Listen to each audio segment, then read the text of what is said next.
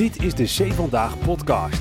De nieuwspodcast waarin je hoort wat christenen in Nederland bezighoudt. Welke items komen in deze aflevering ter sprake? Presentator Jeffrey Schipper praat je bij. De confrontatie aangaan met het Bijbelboek Openbaring. Er zijn veel christenen die dat doen, maar bij weinigen mondt het uit in een handzame gids. En dat is bij Bart van Nes is dat gelukt. Theoloog en voorganger. Welkom Bart in de podcast van C Vandaag. Dankjewel, leuk om er te zijn. Ja, we gaan vandaag een, eh, een thema doen. Meestal hebben we een nieuwspodcast. En voor de vaste luisteraars dan bespreken we natuurlijk eh, drie, vier nieuwsberichten per week. In Christelijk Nederland eh, gebeurt van alles.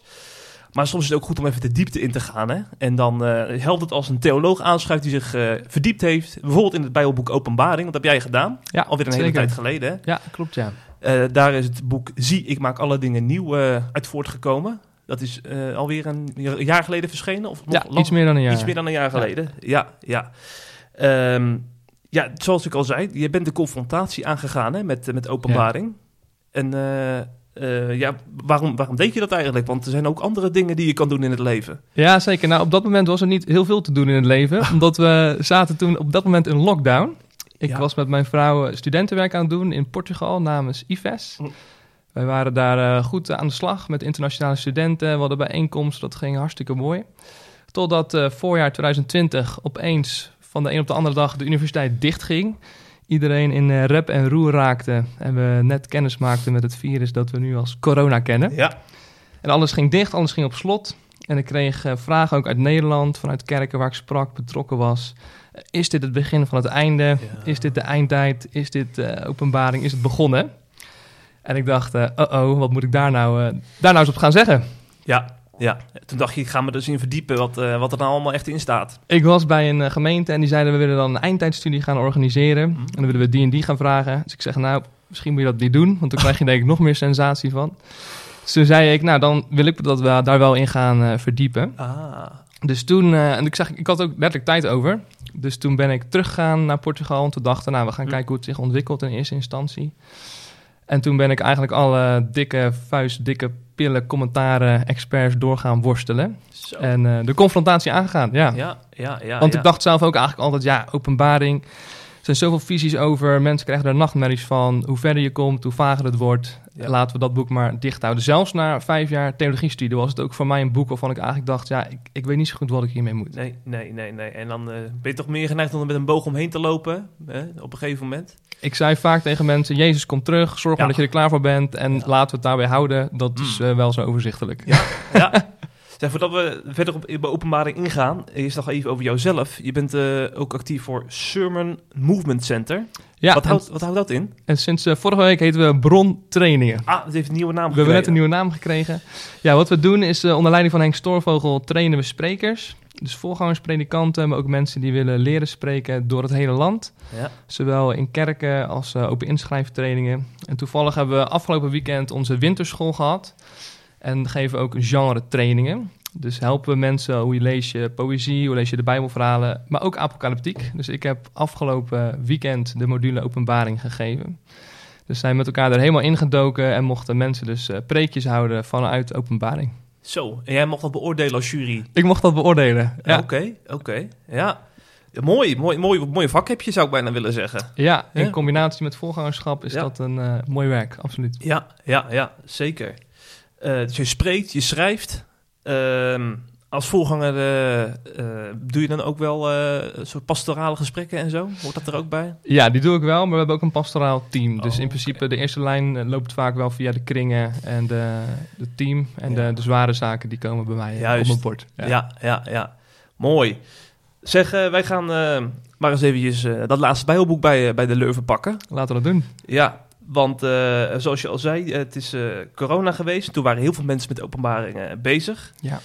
En jij schrijft dan in je boek dat je het zag als een start van een fascinerende reis, die zoektocht, de openbaring. Ja, Want het is echt een reis, zo, zo zie je dat, als je het Bijbelboek eenmaal ingaat. ja de, het boek zelf is een reis, maar ook Mm. het bestuderen daarvan is ook wel echt een reis, kan ik Ja. zeggen.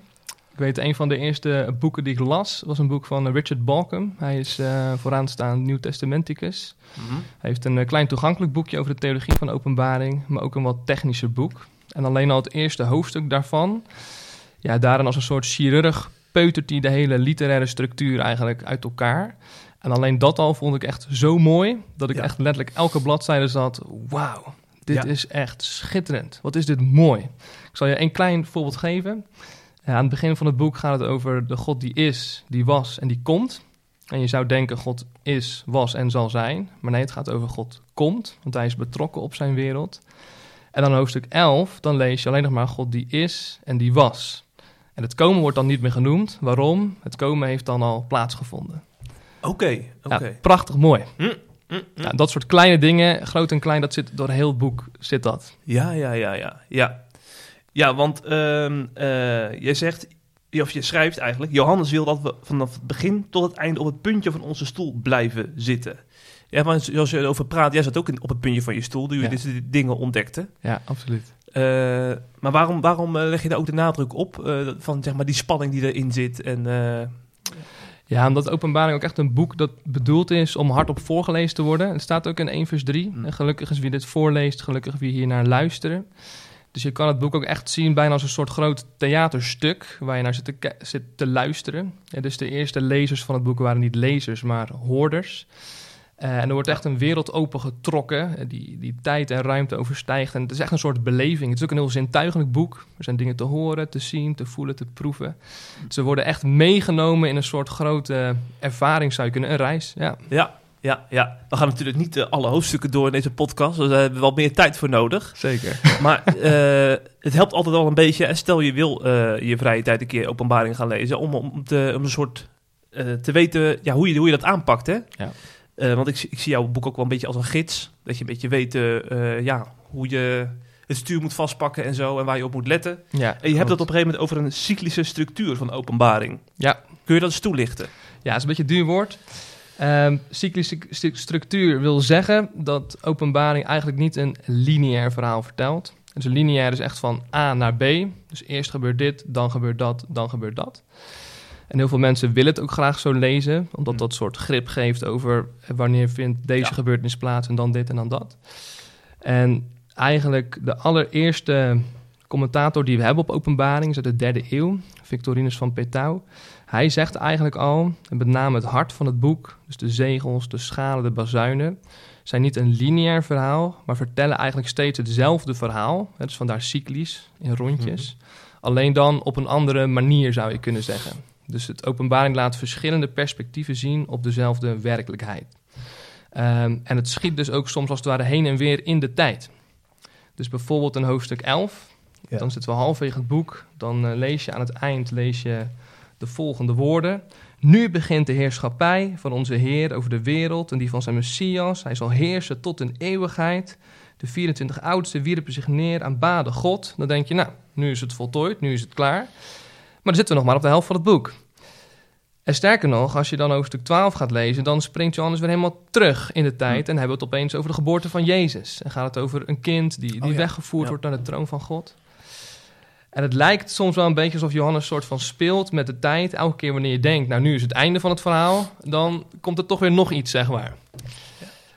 Eh, je zou het een beetje kunnen vergelijken met eh, de eredivisie. En dus je zit de eredivisie te kijken en er wordt er gescoord. Iedereen juichen, yay! En wat gebeurt er dan? Dan vervolgens zie je nog een keer dat doelpunt. Alleen dan met de camera van de zijlijn. En Ah. er wordt weer gescoord en yay, iedereen juichen.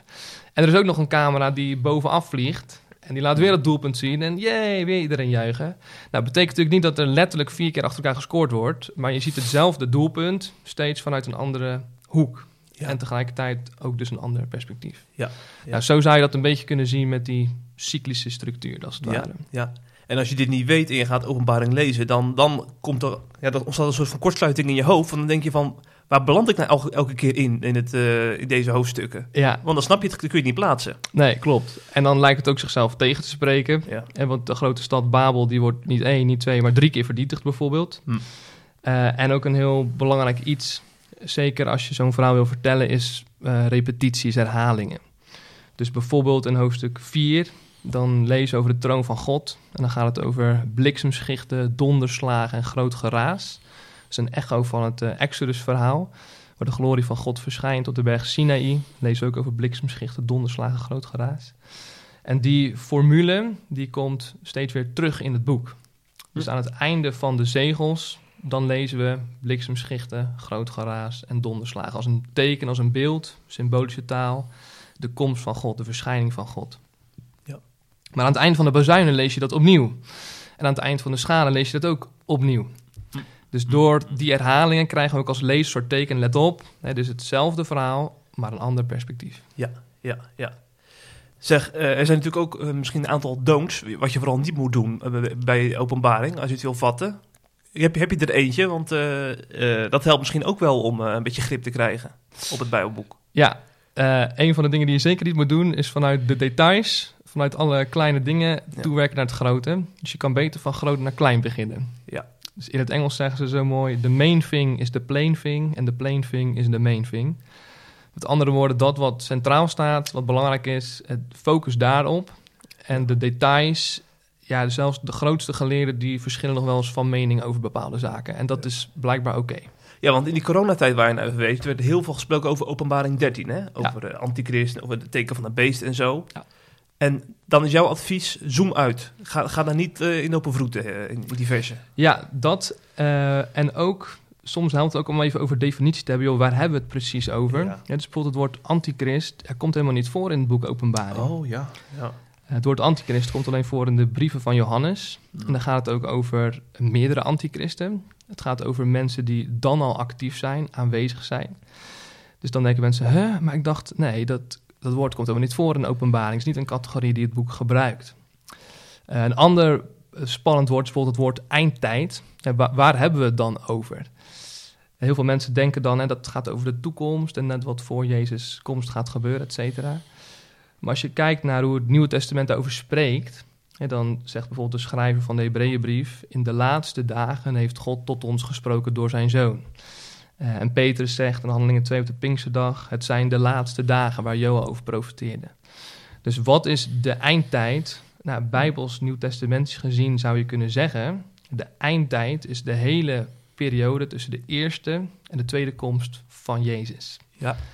Dus leven we in de eindtijd? Ja, Per definitie. 100 procent. Maar heel de christenheid leeft in principe in de eindtijd, al 2000 jaar lang. Ja, ja, ja. het is niet zozeer tijd die ergens voor ons ligt, nee, het is tijd die eindig is. Daarom noemen we dat eindtijd. Mm, mm. Dus dat soort dingen soms even opklaren met elkaar. Waar hebben we het nou eigenlijk over? Voorkomt ook dat je en langs elkaar heen praat.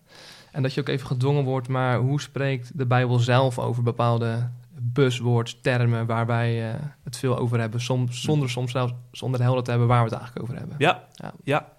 Wat je ook benadrukt in je boek is dat openbaring eh, profetie is. Ja. Eh, en dan denken natuurlijk ook heel veel mensen die, die misschien eh, nog niet zo heel goed eh, kennis hebben van profetie. Van, oh, dat gaat over toekomst voorspellen. Ja. Dat is dus een valkuil, heb ik geleerd. Ja, nou ja, ook daarvoor is dus inderdaad de vraag: profetie, een groot woord, een belangrijke term, maar wat betekent dat precies? Ja. En inderdaad, heel veel mensen denken: oh, profetie is toekomstvoorspelling, dus openbaring gaat over de verre toekomst. Op zich heel logisch natuurlijk. Maar als je kijkt in het Oude Testament, wat is dan profetie? Dan is dat zeker ook toekomstvoorspelling, maar nog veel vaker dat de profeet naar het volk komt en dan zegt: Zo spreekt de Heer. En dan geeft hij Gods perspectief Ja. op de situatie hier en nu. En ook, dit is wat het van jullie vraagt. Want vaak is profetie een woord van troost. Hou vol, het einde komt, God gaat ingrijpen. Of vermaning en oordeel. En jullie zijn afgedwaald van God, keer terug. Dus dat vraagt ook iets van de ontvanger als het ware om daarop te reageren. Dat is ook heel belangrijk. Bij profetie denken we soms ook wel eens, nou er ligt een soort script klaar dat uitgerold moet worden. En wij eh, kunnen achteroverleunen en kijken hoe zich dat allemaal ontvouwt. Maar nee, Bijbelse profetie doet ook een actief beroep op de ontvangers om in actie te komen, beweging te komen als het ware. Ja, ja, ja. Dus ook in het geval van openbaring, in eerste instantie is het niet zozeer het voorspellen van de toekomst, maar profetie wil zeggen Gods perspectief op het hier en nu, wat vraagt om een reactie ook van de lezers en de ontvangers. Zullen we even een voorbeeldje doen? Ja, is misschien makkelijker? Lijkt me leuk. Ja, En bijvoorbeeld eh, openbaring 2, Mhm. daar, openbaring 2 en 3 zijn eh, de zeven gemeenten die aangesproken worden door Jezus. Dus in openbaring 2 vers 5 bijvoorbeeld zegt Jezus tegen de gemeente van Efeze. 2 vers 5, bedenk van welke hoogte u bent gevallen. Breek met het leven dat u nu leidt en doe weer als vroeger. Anders kom ik naar u toe En neem ik als u geen berouw toont uw lampenstandaard van zijn plaats. Nou, is dit profetie, ja of nee? Ja, want Jezus geeft zijn perspectief op de gemeente, hoe het ervoor staat. Is het een soort in steen gebeitelde toekomstvoorspelling? Uh, nee. Hij zegt, als u geen berouw toont, neem ik uw lampenstandaard van zijn plaats. Hij zegt niet, nou, dit is al een uitgemaakte zaak, jullie kerk gaat eraan. Nee, juist omdat er nog kans is op verandering, spreekt hij hen aan en vraagt hij hen om in beweging te komen. Ja, ja, ja. Dus je moet als, als christen of als gemeente moet je, daar, moet je er iets mee. Ja. Ja, en dan om, om die reden uh, kun je niet zeggen van, nou, dit is gewoon een mooie boodschap en we gaan weer over tot de orde van de dag. Precies. Ja, het is echt een boek dat urgentie ademt. Mhm. Jij moet reageren. Het vraagt iets van jou. Ja, ja, ja. Oké. En dat gaat heel openbaring zo door. Want je zegt profetie gaat... Dat, openbaring is profetie, zeg je. Ja, we hebben eigenlijk te maken met uh, drie genres in het boek. Een genre is eigenlijk te vragen... wat is dit voor soort literatuur? Ja. En we lezen verschillende genres ook op verschillende manieren. dus stel je gaat uh, morgenochtend naar de brievenbus... en dan vind je dan een blauwe envelop. En dan weet je, dit is de Belastingdienst. En de Belastingdienst zegt, uh, u moet ons 800 euro en 50 cent betalen. Dan denk je niet, nou laat ik dit netjes afronden op 800 euro. Dan heb je een probleem. Dat zou ik niet doen met de Belastingdienst, nee. Maar naast de blauwe envelop ligt bijvoorbeeld een rode envelop. En die ruikt lekker. En dan weet je, hé, hey, dit is een liefdesbrief. Hm. En in die liefdesbrief lees je... Mijn liefde voor jou is als het water van de zee en als duizend rode rozen. En dat betekent niet dat als je dan de deur open doet... dat dan al het water van de zee in één keer naar binnen komt spoelen. Maar het is beeldtaal, het is symbolisch. En dus je leest verschillende genres, literatuur op verschillende manieren. En openbaring heeft er niet één, niet twee, maar drie eigenlijk. Het voordeel is dat die aan het begin allemaal al genoemd worden. Dus het boek is een openbaring. Er komt ons woord apocalyptiek vandaan, een duur woord. Het is een profetie, uh, hebben we net over gehad. En het is ook een brief. Ja. En die drie dingen, uh, ook daarbij is dus weer de vraag, wat houdt dat in? En wat betekent dat voor hoe ik het boek moet lezen eigenlijk? Ja, ja. En die, dat eerste, dat moeilijke woord, apocalypsie. Dat Apocalyptiek, ja. Dat gaat over uh, uitleg. Apocalyptiek betekent, nou dat is wel grappig, als wij in de krant bijvoorbeeld lezen, het was van apocalyptische omvang, dan bedoelen we vaak alles ging kapot. Ja, uh, maar apocalyptiek betekent letterlijk eigenlijk onthulling. onthulling dus het is iets duidelijk maken, iets zichtbaar maken. Mm dus in uh, Matthäus 11 bidt Jezus bijvoorbeeld: Ik dank u, Vader, Heer van de hemel, dat u deze dingen voor wijze en verstande, verstandigen verborgen hebt gehouden. Maar ze aan eenvoudige mensen hebt geapocalypst, hebt onthuld, duidelijk gemaakt. Dus het boek wil niet een soort rookgordijn optrekken, maar juist het gordijn wegschuiven, zodat dingen zichtbaar worden en duidelijk worden. Alleen hoe dat genre dat doet, is vaak door te werken met symbolen, met kleuren, met getallen dingen die voor ons toch een beetje vaak vreemd zijn. Maar zeker tussen de eerste en de tweede tempelperiode, dus de, tweede tempelperiode, de periode tussen het Oude en het Nieuwe Testament, was er heel veel van dit soort literatuur in omloop. Dat zijn boeken die niet onze Bijbel hebben gehaald, die wel veel gelezen werden, ook door de eerste christenen. En vaak heeft dat te maken met een minderheid die uitzicht krijgt op Gods redding, het perspectief van verlossing, bevrijding, de oproep om stand te houden, uh, het oordeel van God, dat soort zaken. Maar ook dus de ontvanger daarvan die een soort hemelreis maakt of een visioen krijgt en dat met heel veel geur en kleuren en in symbolische taal, en dat is heel belangrijk, vertelt. Ja, ja, ja, ja. ja. Ja, en de eerste christenen die spraken blijkbaar echt meer die taal dan, dan ons ook. Dus die, die deze openbaring dan ook... Uh, er komt meer, misschien meer binnen bij hun, om die reden. Ja, absoluut. Ja. En sterker nog, uh, ook een heel belangrijk vers in de uitleg van openbaring vind je aan het einde van het boek. Hmm. Want wij zeggen natuurlijk vaak, ja, wat betekent dat boek dan hier en nu? En wat heeft ons te zeggen? En kunnen we dan de tekenen duiden? Maar ik denk echt dat we eerst een stap terug moeten doen en ons af moeten vragen, wat betekende het voor hen? Mm En als we dat helder hebben, dan kunnen we ook slagen maken naar vandaag. Ja. En het belang van die eerste lezers nou, dat krijgen we dus helder doordat het dus een brief is. Het hele boek is een brief, wordt ook zo geframed.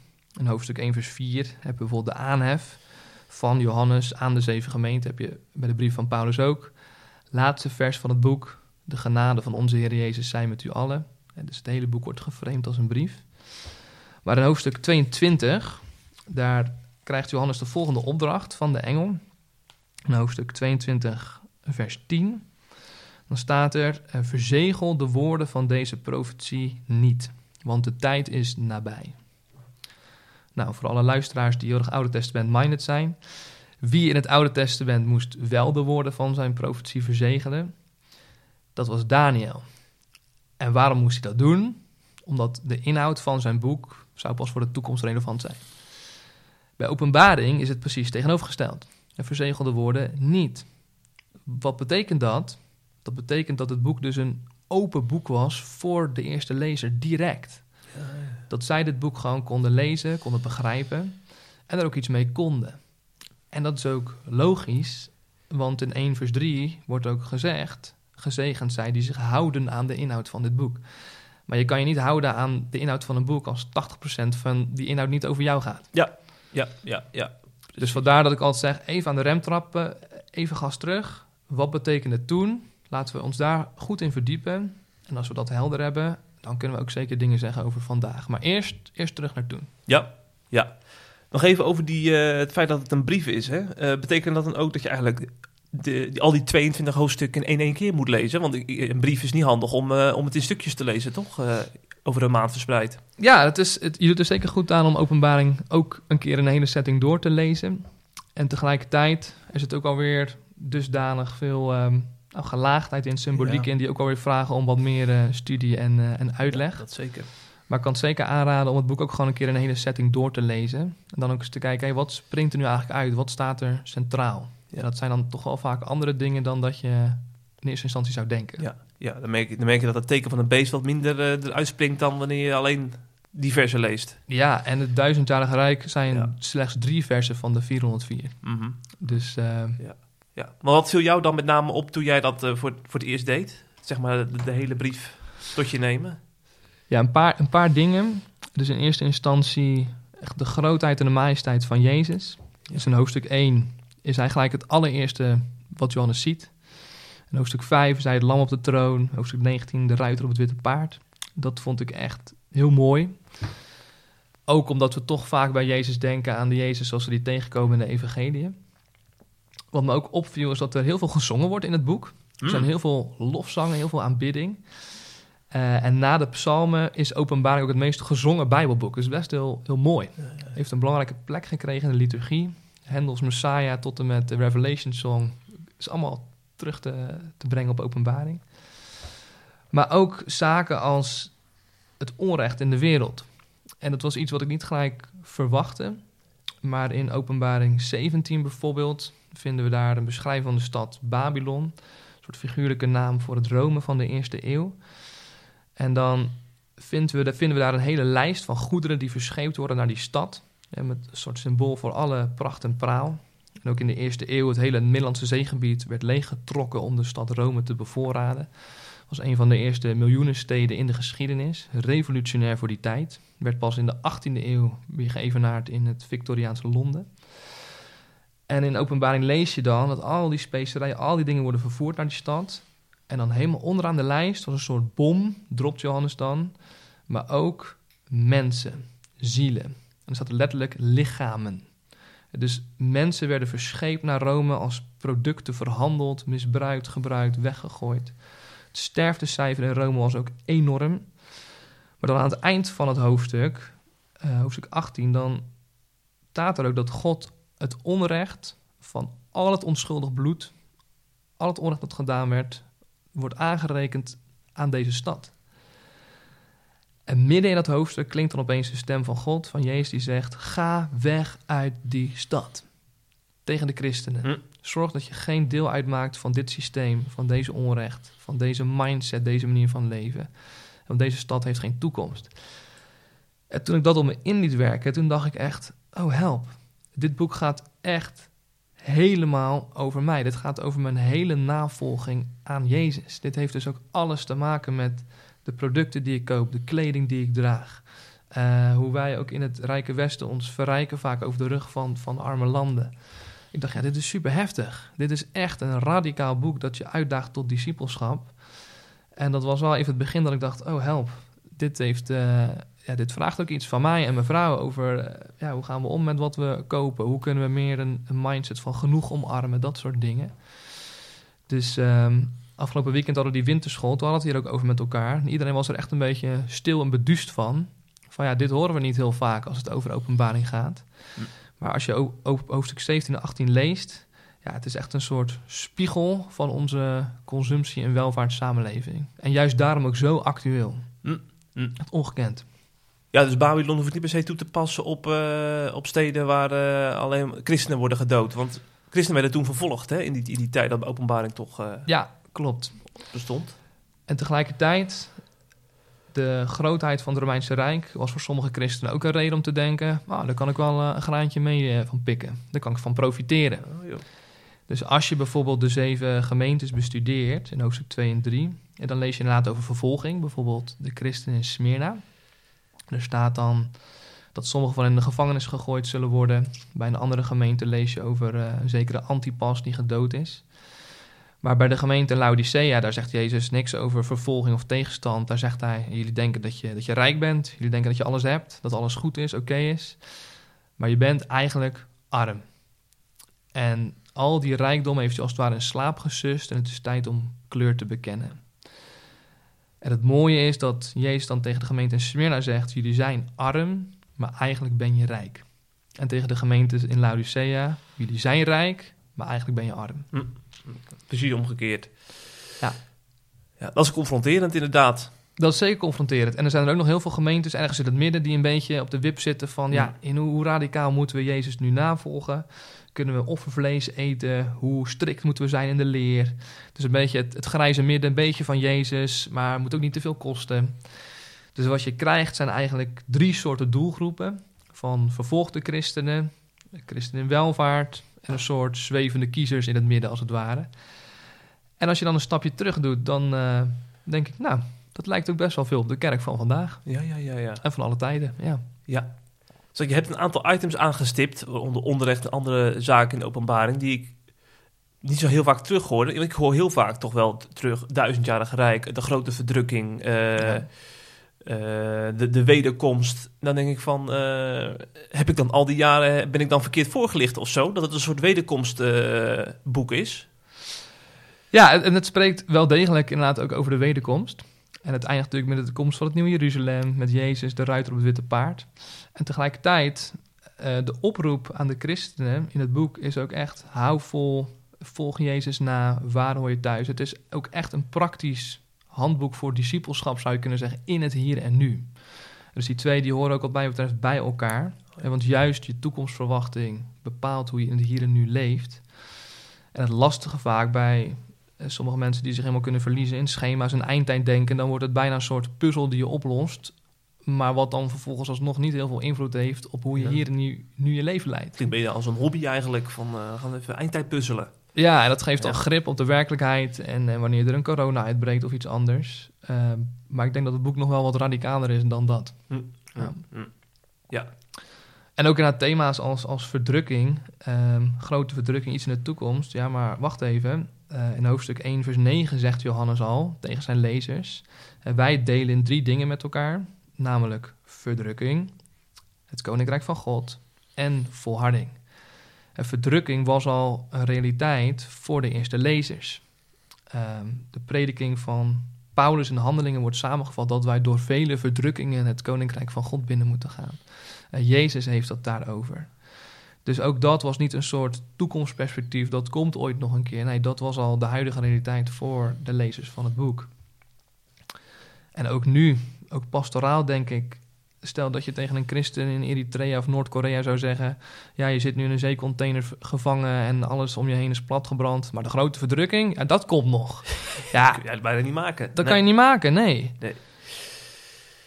Ja, en, ehm, maar dan vraag ik me dan toch af. ehm, ja, wat, wat, wat zegt dit dan over al die eindtijd-websites en eh, eindtijdscenario's die, die we in de afgelopen decennia hebben opgetuigd? Want bijvoorbeeld in de evangelische beweging, er is eindtijd een soort van heet hangijzer geworden van je moet toch wel de juiste eh, theologie over de eindtijd hebben, anders mag je niet bij ons spreken of zo. Dus er is een heel, heel eh, theologie aan opgehangen, een heel, heel kerkcultuur aan opgehangen. Ja, helaas vaak wel. Mijn eigen ervaring is dat ik ben zelf opgegroeid in de, in de PKN. Daar heb ik nog nooit een preek gehoord over openbaring.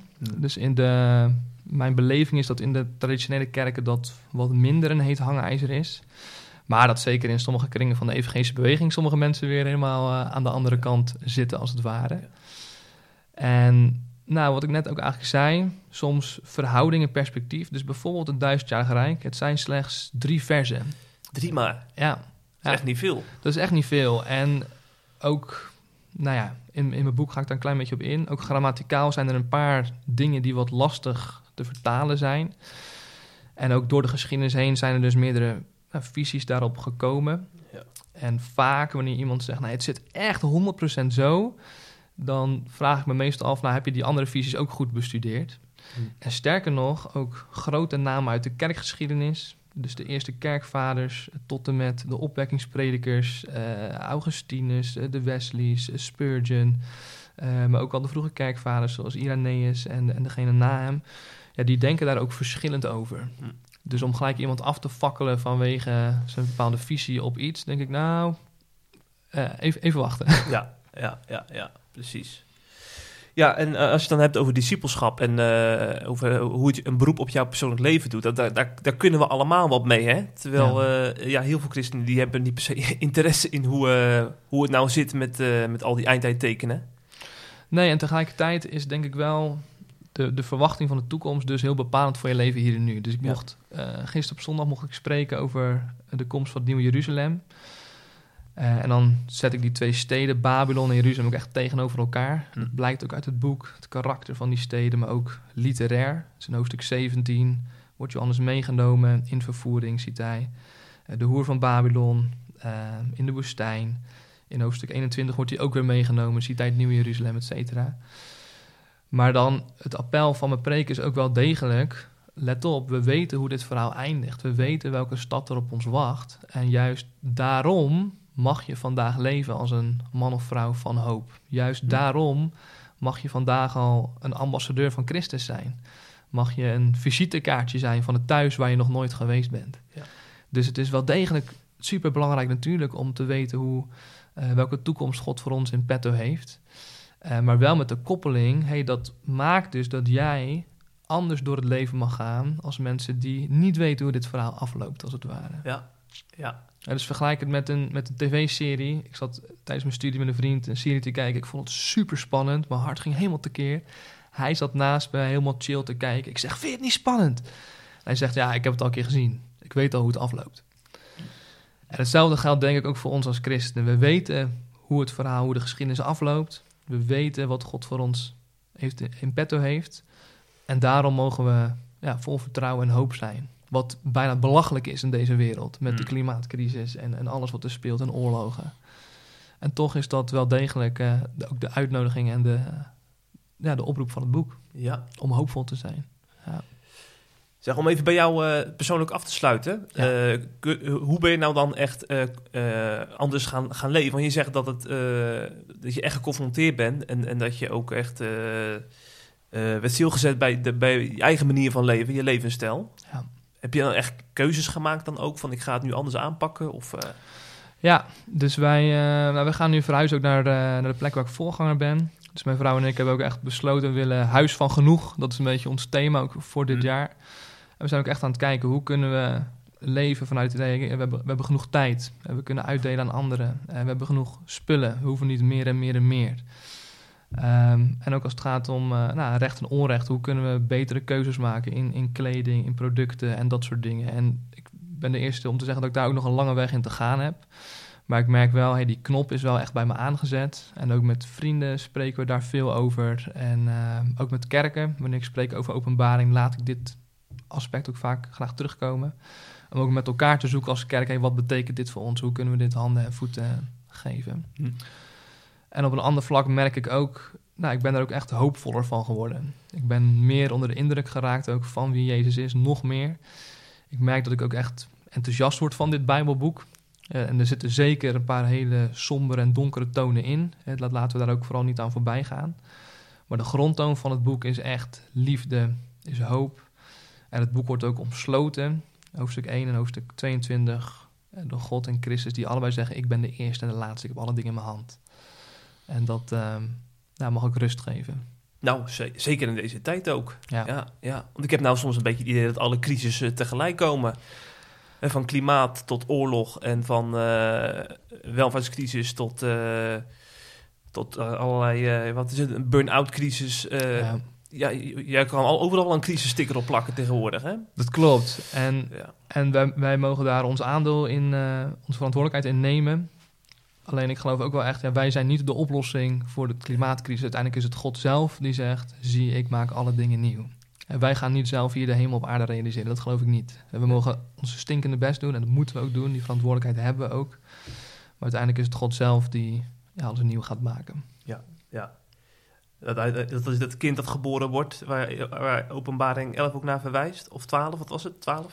Ja, dat gaat echt over de geboorte van Jezus. Oké, ja, ja, ja, dat, is, dat is weer iets anders. Ja, Ja. En hoe weet je dat? Eh, ook omdat er gesproken wordt over een kind met een ijzeren herderstaf. Eh, dat is weer een verwijzing naar het Oude Testament, Psalm Oké. 2, de Messiaanse koning. Ja, maar, maar de, de, de- van, het, het beeld van er zijn nu weeën gaande en eh, straks Ja. Gaat Jezus terugkomen, dat, dat beeld is wel terecht. Er komt een nieuwe wereld. Eh, inderdaad, in Romeinen 8 spreekt Paulus daarover. Jezus spreekt Ja. daar zelf over. Dus inderdaad, dat beeld, ik ben in verwachting. Er komt een Mhm. nieuwe toekomst. Een vriend van mij, eh, Evert, heeft ook nu net een nieuw boek daarover. Die werkt dat heel mooi uit. En die zegt ook, ja, als je in verwachting bent... dan denk je niet alleen hoe zal dat zijn... maar dan ga je je huis aanpassen aan de komst van een kind. Ja. Dus de toekomst heeft consequenties voor je leven hier en nu. Ja, Ja. ja, ja. Nou, mooi dat je ze ons zo aan het denken hebt gezet, eh, Bart. Graag ik verwijs nog maar even één keer naar jouw boek. eh, Zie, ik maak alle dingen nieuw. Voor mensen die eh, ja, daar wat nog dieper op in willen gaan. Hè? Want dit is maar eigenlijk een voorproefje van eh, wat, er nog allemaal, wat jij allemaal hebt opgeschreven in je boek. Klopt. En je hebt ook een website.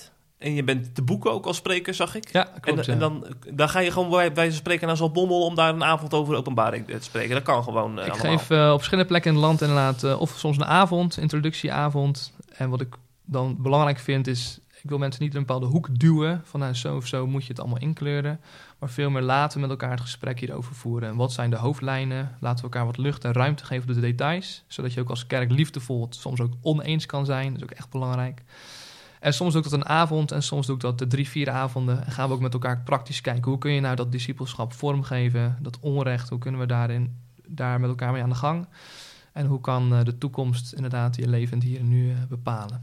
Dus eh, ik kom graag langs. Ja, En het allemaal aan de hand van de openbaring. allemaal aan de hand van openbaring. Ja, Ja, dat, zoveel zit er dus in. Ja. Mooi. Bedankt voor, eh, voor je ontdekkingen en voor het delen daarvan. graag gedaan.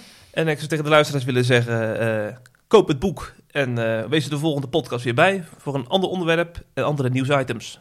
Tot dan! Hopelijk heb je genoten van deze C Vandaag podcast. Volgende week is er weer een nieuwe aflevering. En blijf via cvandaag.nl op de hoogte van het laatste nieuws uit Christelijk Nederland.